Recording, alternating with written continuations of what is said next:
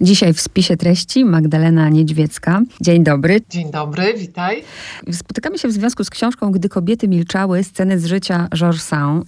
To nie jest pierwsza biografia zbeletryzowana twoja, więc od razu dwa pytania. Dlaczego Georges Sand i dlaczego zbeletryzowana biografia, nie biografia? To najtrudniejsze pytanie, jakie wciąż otrzymuję, więc przyzwyczaiłam się, że zostanę o to zapytana. Mimo wszystko jest to niezwykle trudne. No, e, odpowiem ci tak. Miałam już dość dworów królewskich i chciałam porozmawiać z koleżanką po fachu.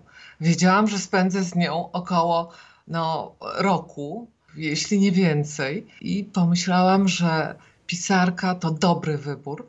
Będę mogła podpatrzeć, jaki miała warsztat, co ją zajmowało, czy bycie pisarką w XIX wieku oznaczało dokładnie to samo, co bycie pisarką w wieku XXI. No po prostu liczyłam na y, nieco przyjemniejsze i swobodniejsze bytowanie. A dlaczego zbeletryzowana biografia? Dlatego, że ja w ogóle jestem ekspertką od powieści biograficznych, powieści historycznych, a nie takich biografii sensu stricto. Wydaje mi się, że do tego trzeba mieć zupełnie inne przygotowanie. Ja jednak jestem pisarką no i tu mnie zażyłaś, jaką jestem pisarką, bo to ani lżejszy wymiar pisarstwa, ale chyba rodzaj mojej wyobraźni predestynuje mnie do tego, żeby, jak to e, wydawca określa, ożywiać historię. Każdy ma jakąś misję do spełnienia, więc może moja misja to jest właśnie przybliżanie, ożywianie tej historii. Spodobały mi się pierwsze dwie części, bo pokazały mi Georges Sand takie, jakiej nie znałam. Zawsze te Georges Sand przylepiamy do Chopina, jak nie wiem co. Mówię, bo że... Jesteśmy Polakami. Pomyślałam też o dacie wydania tej książki i o tym, że pewnie wydawnictwo marketingowo celowało w te urodziny, tak?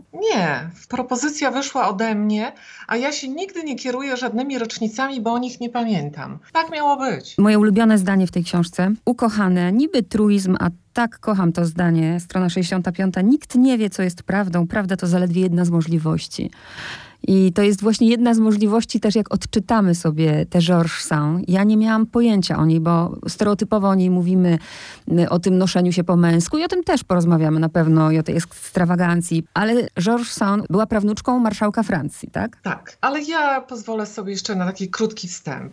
No właśnie, y, zaczynamy wchodzić na y, taką drogę, nie, nie prowadzimy swobodnej rozmowy o kobiecie, która powinna być nam kobietom niezwykle bliska, albo powinna nam być okazją do poruszenia różnych ważnych kwestii, tylko y, chcemy dociec, co jest prawdą, a co jest fałszem. Więc ja na wstępie pragnę powiedzieć, że Georges Sand była chyba najsłynniejszą y, pisarką okresu romantyzmu. Y, w związku z powyższym powinniśmy, pewnie powinnyśmy uszanować to, że ona po części kreuje się, jak każdy pisarz romantyczny, na bohaterkę romantyczną. A bohater romantyczny zawsze był jakiś i całkiem inny. I nie życzył sobie, żeby o nim wiedziano wszystko. I dlatego to są sceny z życia Georges a nie cały wykład na temat jej biografii. Dajmy jej też troszkę tej tajemnicy.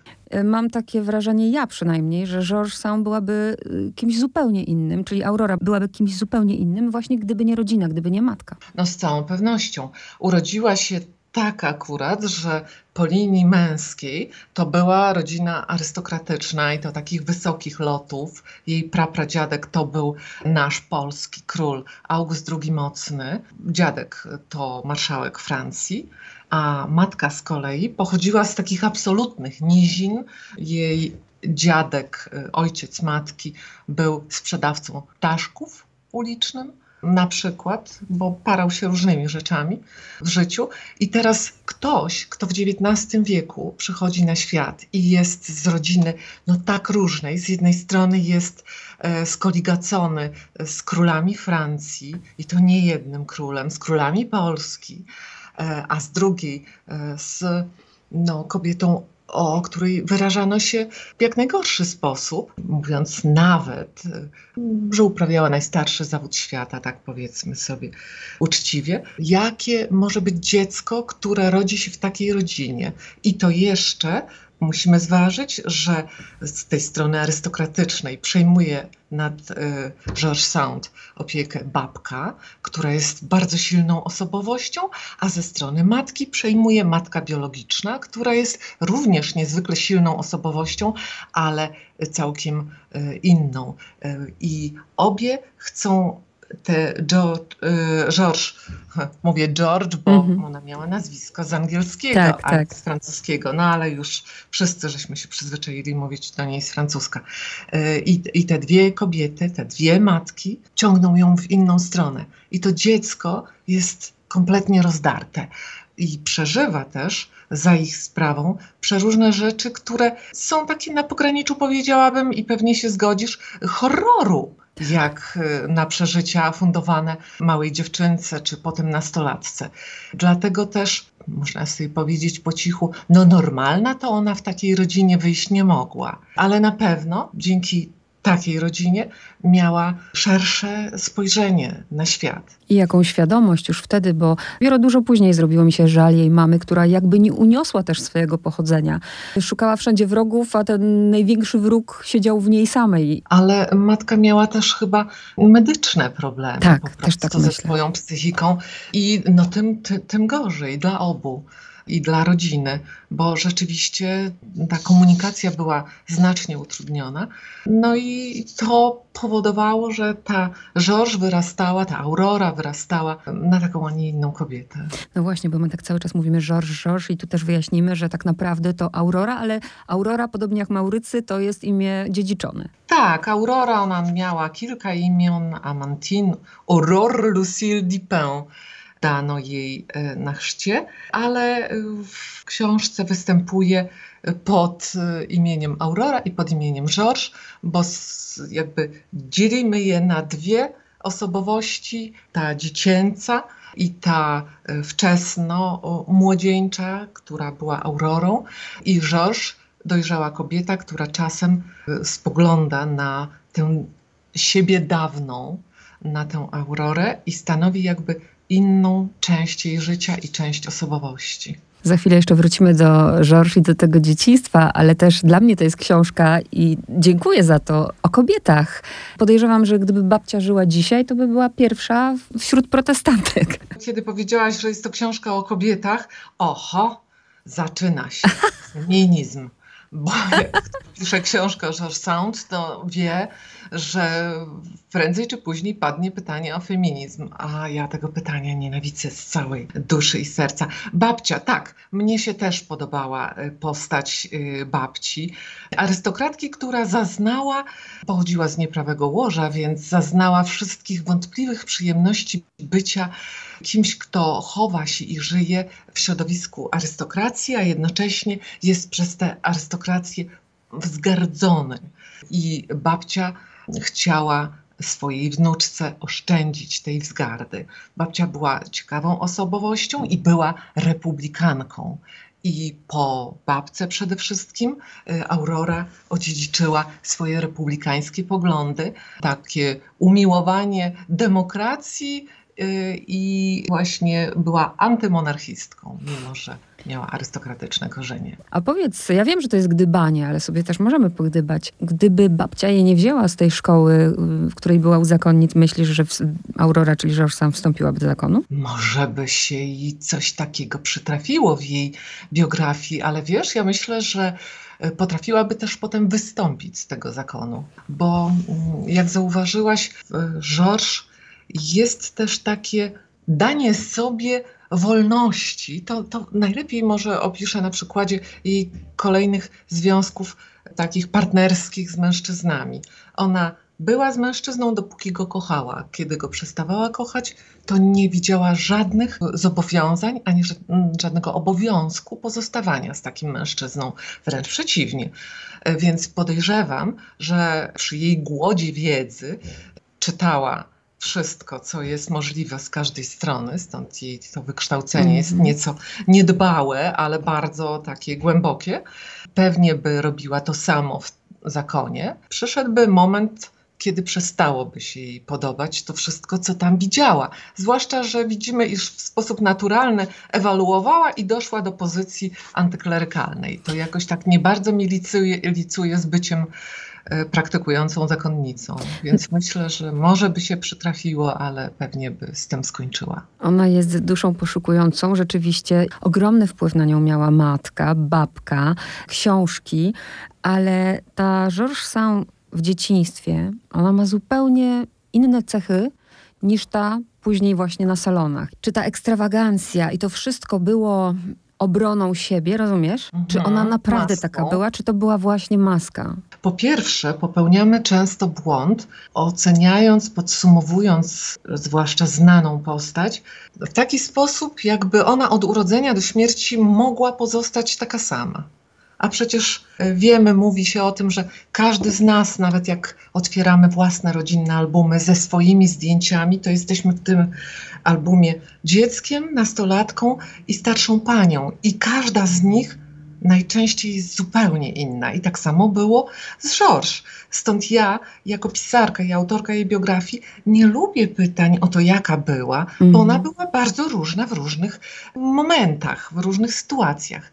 A czy Y, ona zakładała maski. Ale oczywiście każda z nas zakłada maski, a pisarka i jeszcze na dokładkę pisarka romantyczna miała obowiązek je nosić, ale również, i tu bardzo wrażliwie chyba to wyczułaś, ona na swój sposób, tak sądzę, y, zgódźmy się tylko, że ja opowiadam o Georges Sand Magdaleny Niedźwieckiej, żeby to było jasne, że ona była głęboko nieszczęśliwa często, bo ona nawet pisała w listach, że ja się śmieję, ja uwielbiam ludzi, którzy mnie zabawiają, mnie muszą zabawiać, ponieważ ja wtedy nie mam czasu myśleć o tym, jak straszne jest życie i jak przygnębiające. To wszystko, co no, wniosła na salony ze sobą, czyli również to, że pochodziła z, z takiego z, związku arystokratki z prostą kobietą, musiała, najlepszą obroną jest atak, a więc ona użyła takiego fortelu, że kryła się za swoją ekscentrycznością i na tym się jakby skupiała uwaga świata zewnętrznego. Myślę, że to był właśnie taki element obrony samej siebie przed mm. okrucieństwem świata. Też tak właśnie czuję, ale to, co powiedziałaś, skłania mnie do takiej refleksji, że my lubimy ludzie. Mówię my, ja też się w to włączam.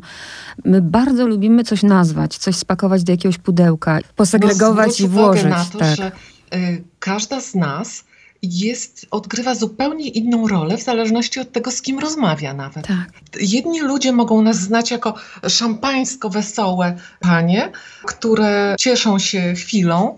Inni mogą nas znać jako takie osoby depresyjne, skoncentrowane na jakimś intelektualnym problemie. No, przeróżne mogą być te maski i to jest dla mnie to jest absolutnie oczywiste, a w Georges na jej przykładzie, no to jest doprowadzone do, jak to czasem mówią jej biografowie, aż do absurdu, aż do komedii, bo dostrzegają w tym pewną e, przesadę.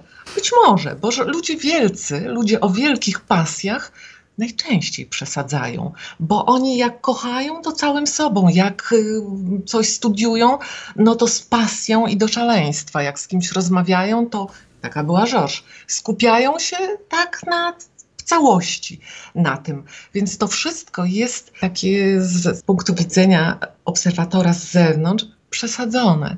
Mhm. A więc niektórym się może wydawać śmieszne. Kobieta napisała ponad 70 powieści, a ja nie przeczytałam żadnej. Z tej książki twojej też wynika, pisanie w ogóle było dla niej niesamowicie ważne, a my o niej właśnie w tej Polsce stereotypowo ciągle przy tym Chopinie, ciągle jako funkcjonuje bardziej jako ta y, kurtyzana, że tak powiem, pani do towarzystwa i szokująca. A przecież właśnie się też zastanawiam, dlaczego u nas w Polsce nigdy jej powieści nie były tak popularne jak tam. Te powieści były popularne w XIX wieku. W tej chwili nie są popularne, bo nasze y, polskie tłumaczenia pozostawiają wiele do życzenia. Są archaiczne. Mhm. Mało, że niewiele jest tych tłumaczeń, to jeszcze są niezwykle archaiczne. Teraz na szczęście pojawiły się już rzeczy tego typu, jak korespondencje Georges Sand z um, Gustawem Flaubertem mhm. w absolutnie genialnym tłumaczeniu Ryszarda Engelkinga, znaczy absolutnie genialnym i jej autobiografia w tłumaczeniu profesora Skowrona, też doskonałe. Dzięki Bogu, bo polski czytelnik może już sięgnąć po te wyżyny jej osiągnięć, bo niektórzy mówią o tym z lekceważeniem. E, ostało się tylko to, co biograficzne. To jest bardzo wiele i bardzo wielu autorów tylko na tym, co biograficzne i co takie własne, mm, sięgało nawet po Nagrody Nobla, powiedzmy y, choćby o Churchillu.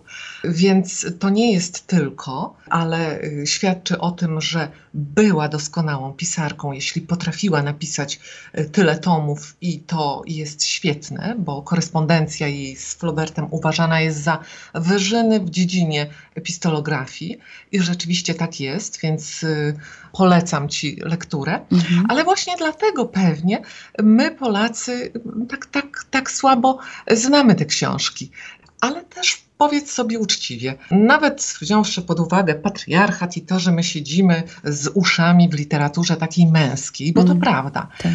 czy znowu się tak powszechnie czytelnik w tej chwili zachwyca i obczytuje Tomaszem Manem, Fiodorem Dostojewskim, poza grupą intelektualistów? To też nie są mm. dziś takie znowu codzienne, oczywiste lektury e, wszystkich. Więc już też no, lata płyną. Jest coraz więcej fantastycznych książek.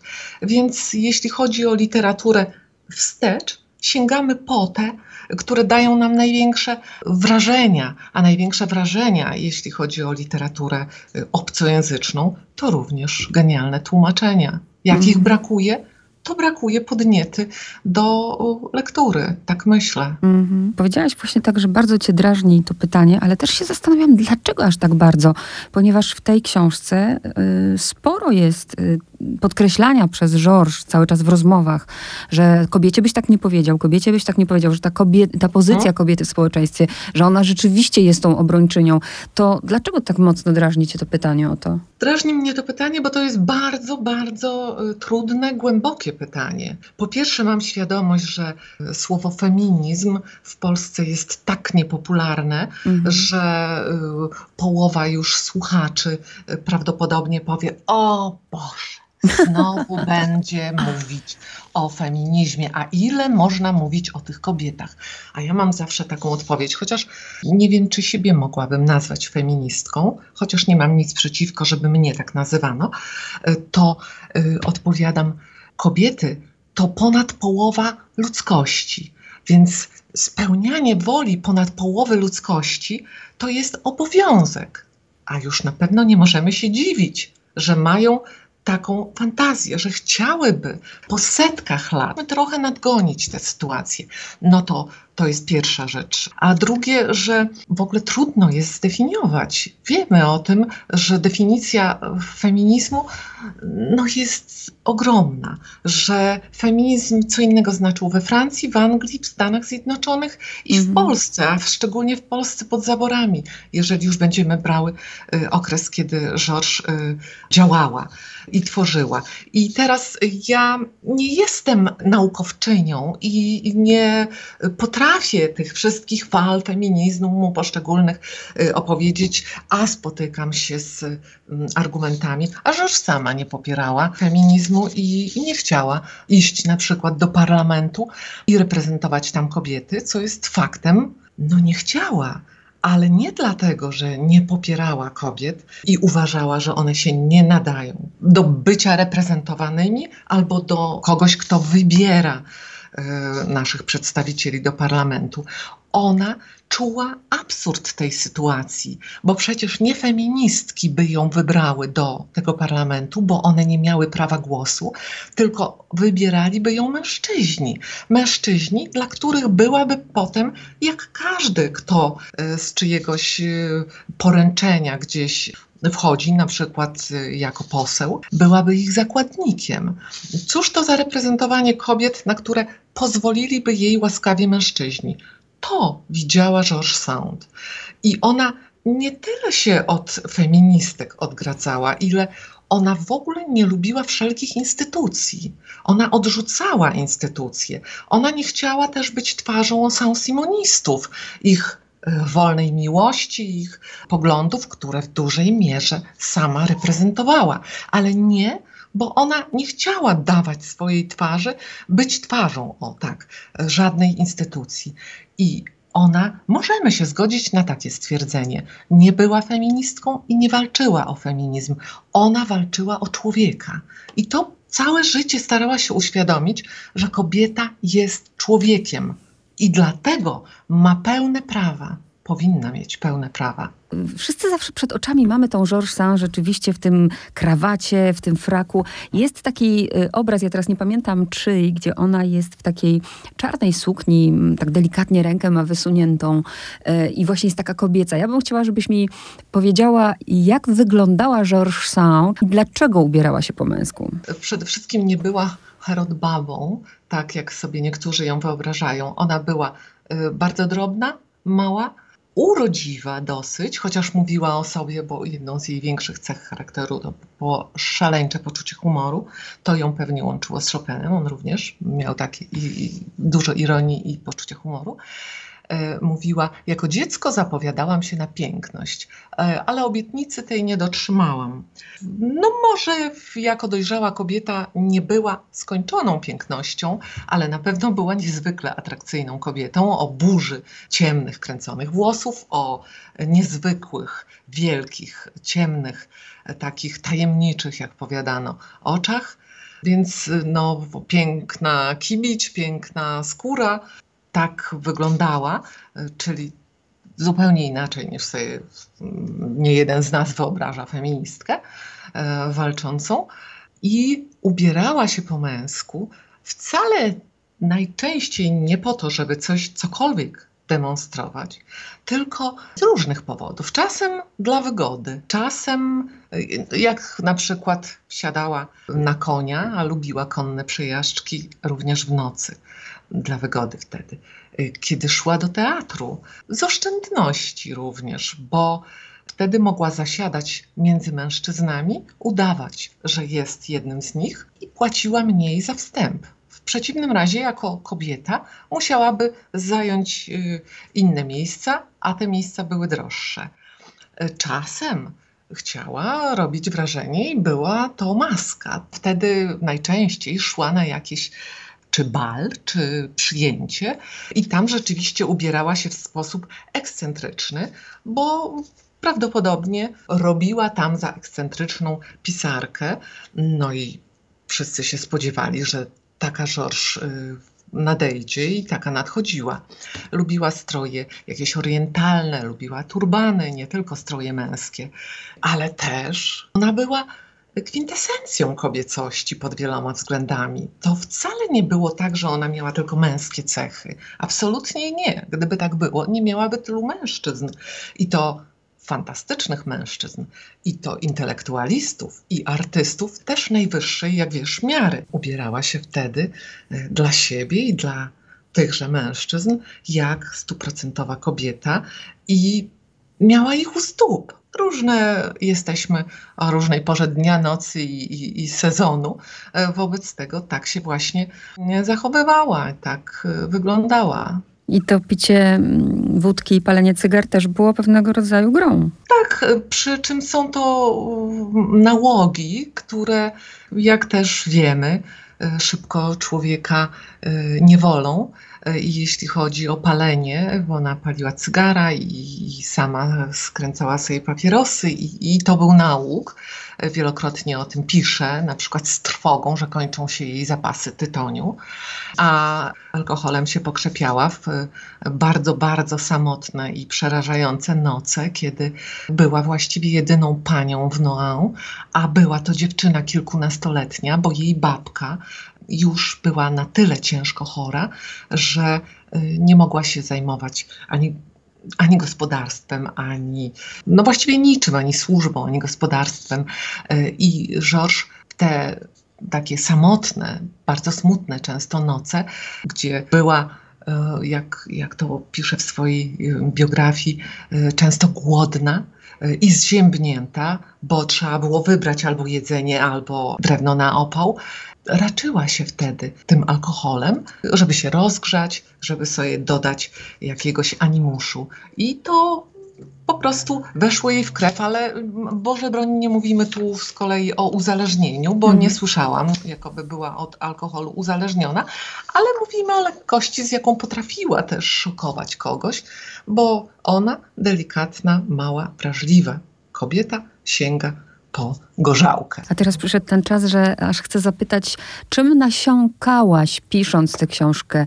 Bezwzględnie biografie, które się pojawiły, listy. Listy to kopalnia mm. wiedzy. No, biografia, którą sama napisała i która, tak jak wspomniałam, jest świetnie przetłumaczona przez profesora Skowrona.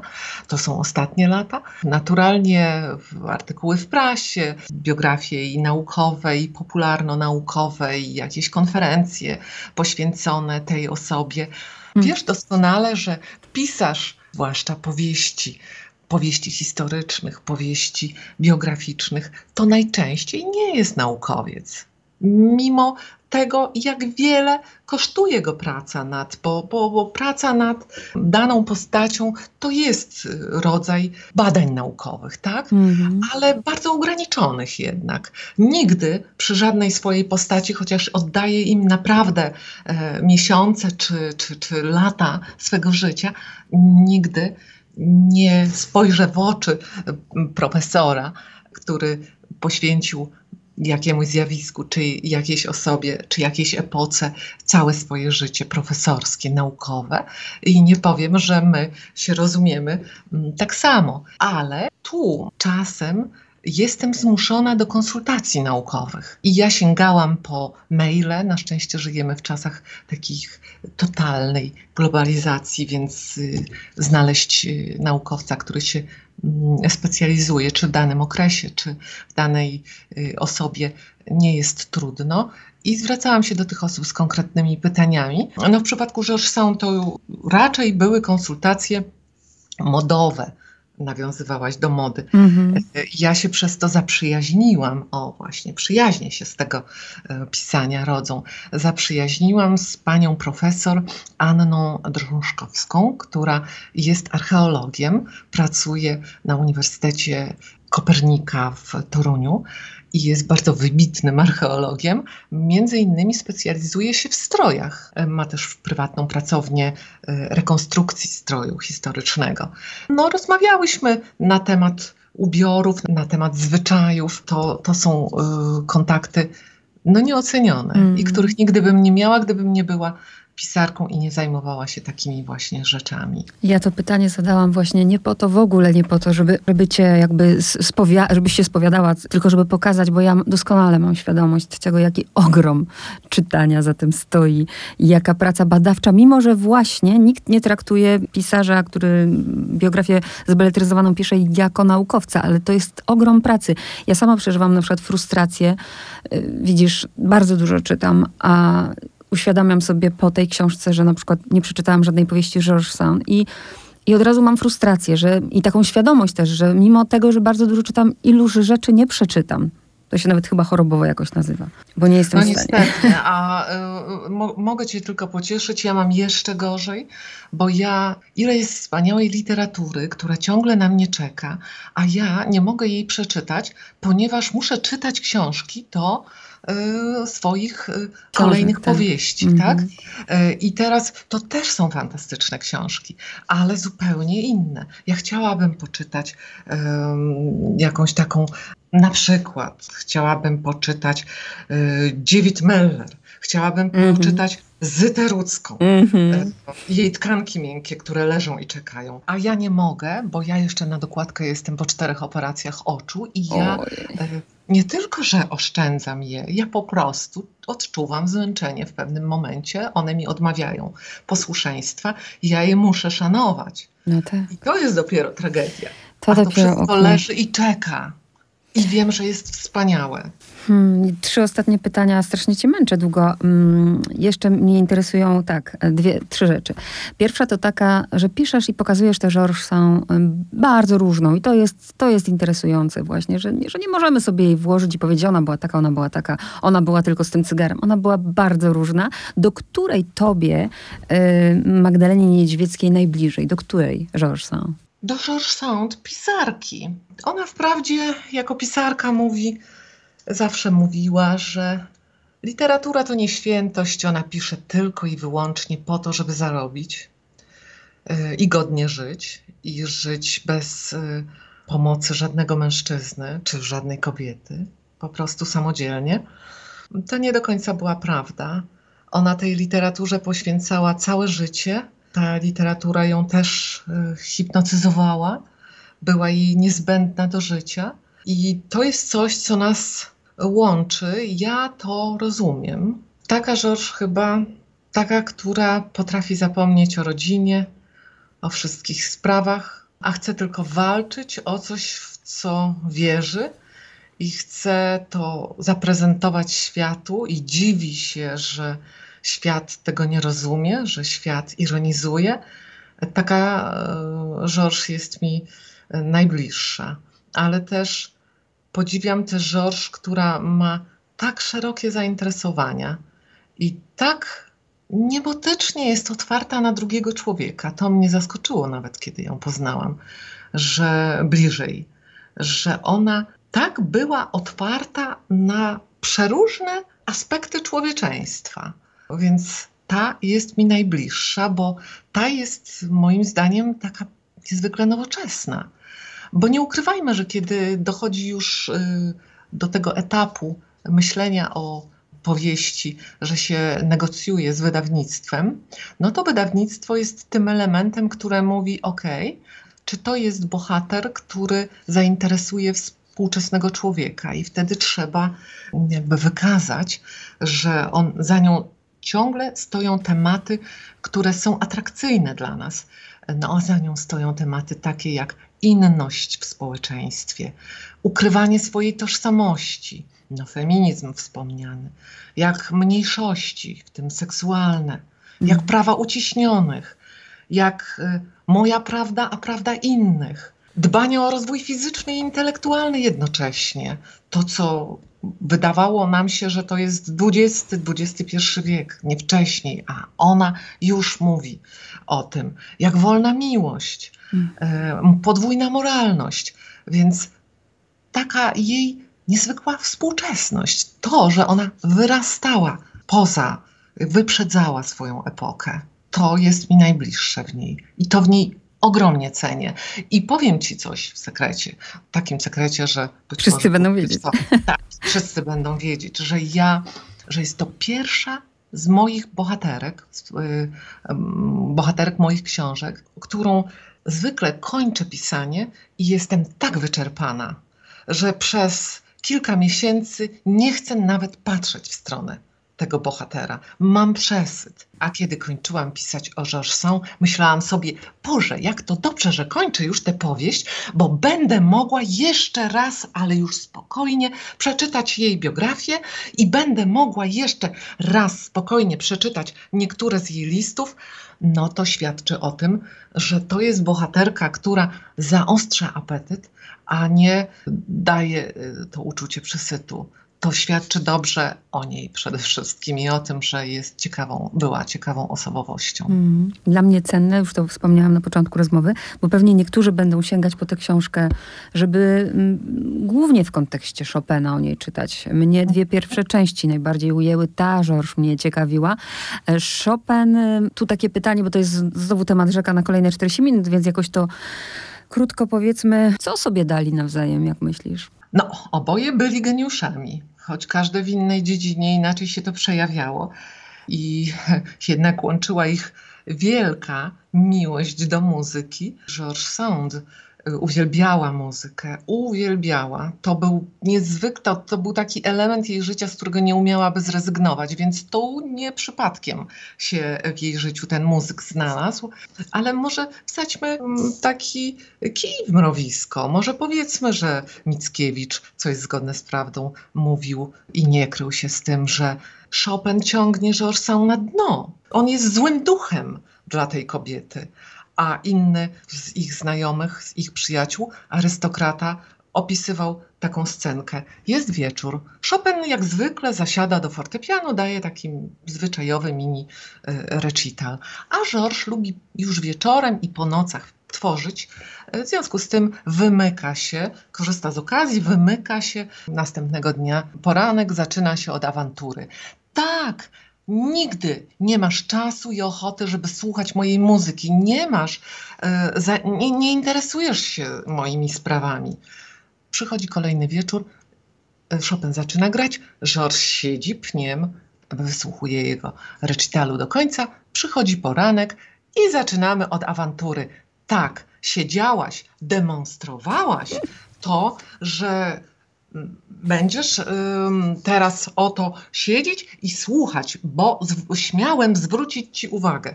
I tak dalej, i tak bez końca. No myślę, że dali sobie wiele, no wiele uczucia, które na tym etapie, którego na tym etapie bardzo potrzebowali. Ona była właściwą kobietą dla niego, właśnie taką trochę matką, z czym on walczył, co trochę kochał, a trochę, a trochę zwalczał a on jej pewną stabilizację i żeby było śmieszniej, bo to ona była arystokratką.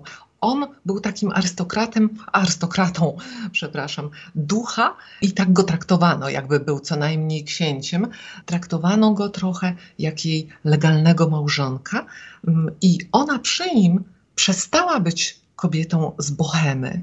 Jej życie stało się, mm, w jej życie wkroczyła taka mała stabilizacja co podobno jej i było potrzebne, i na pewnym etapie życia się podobało.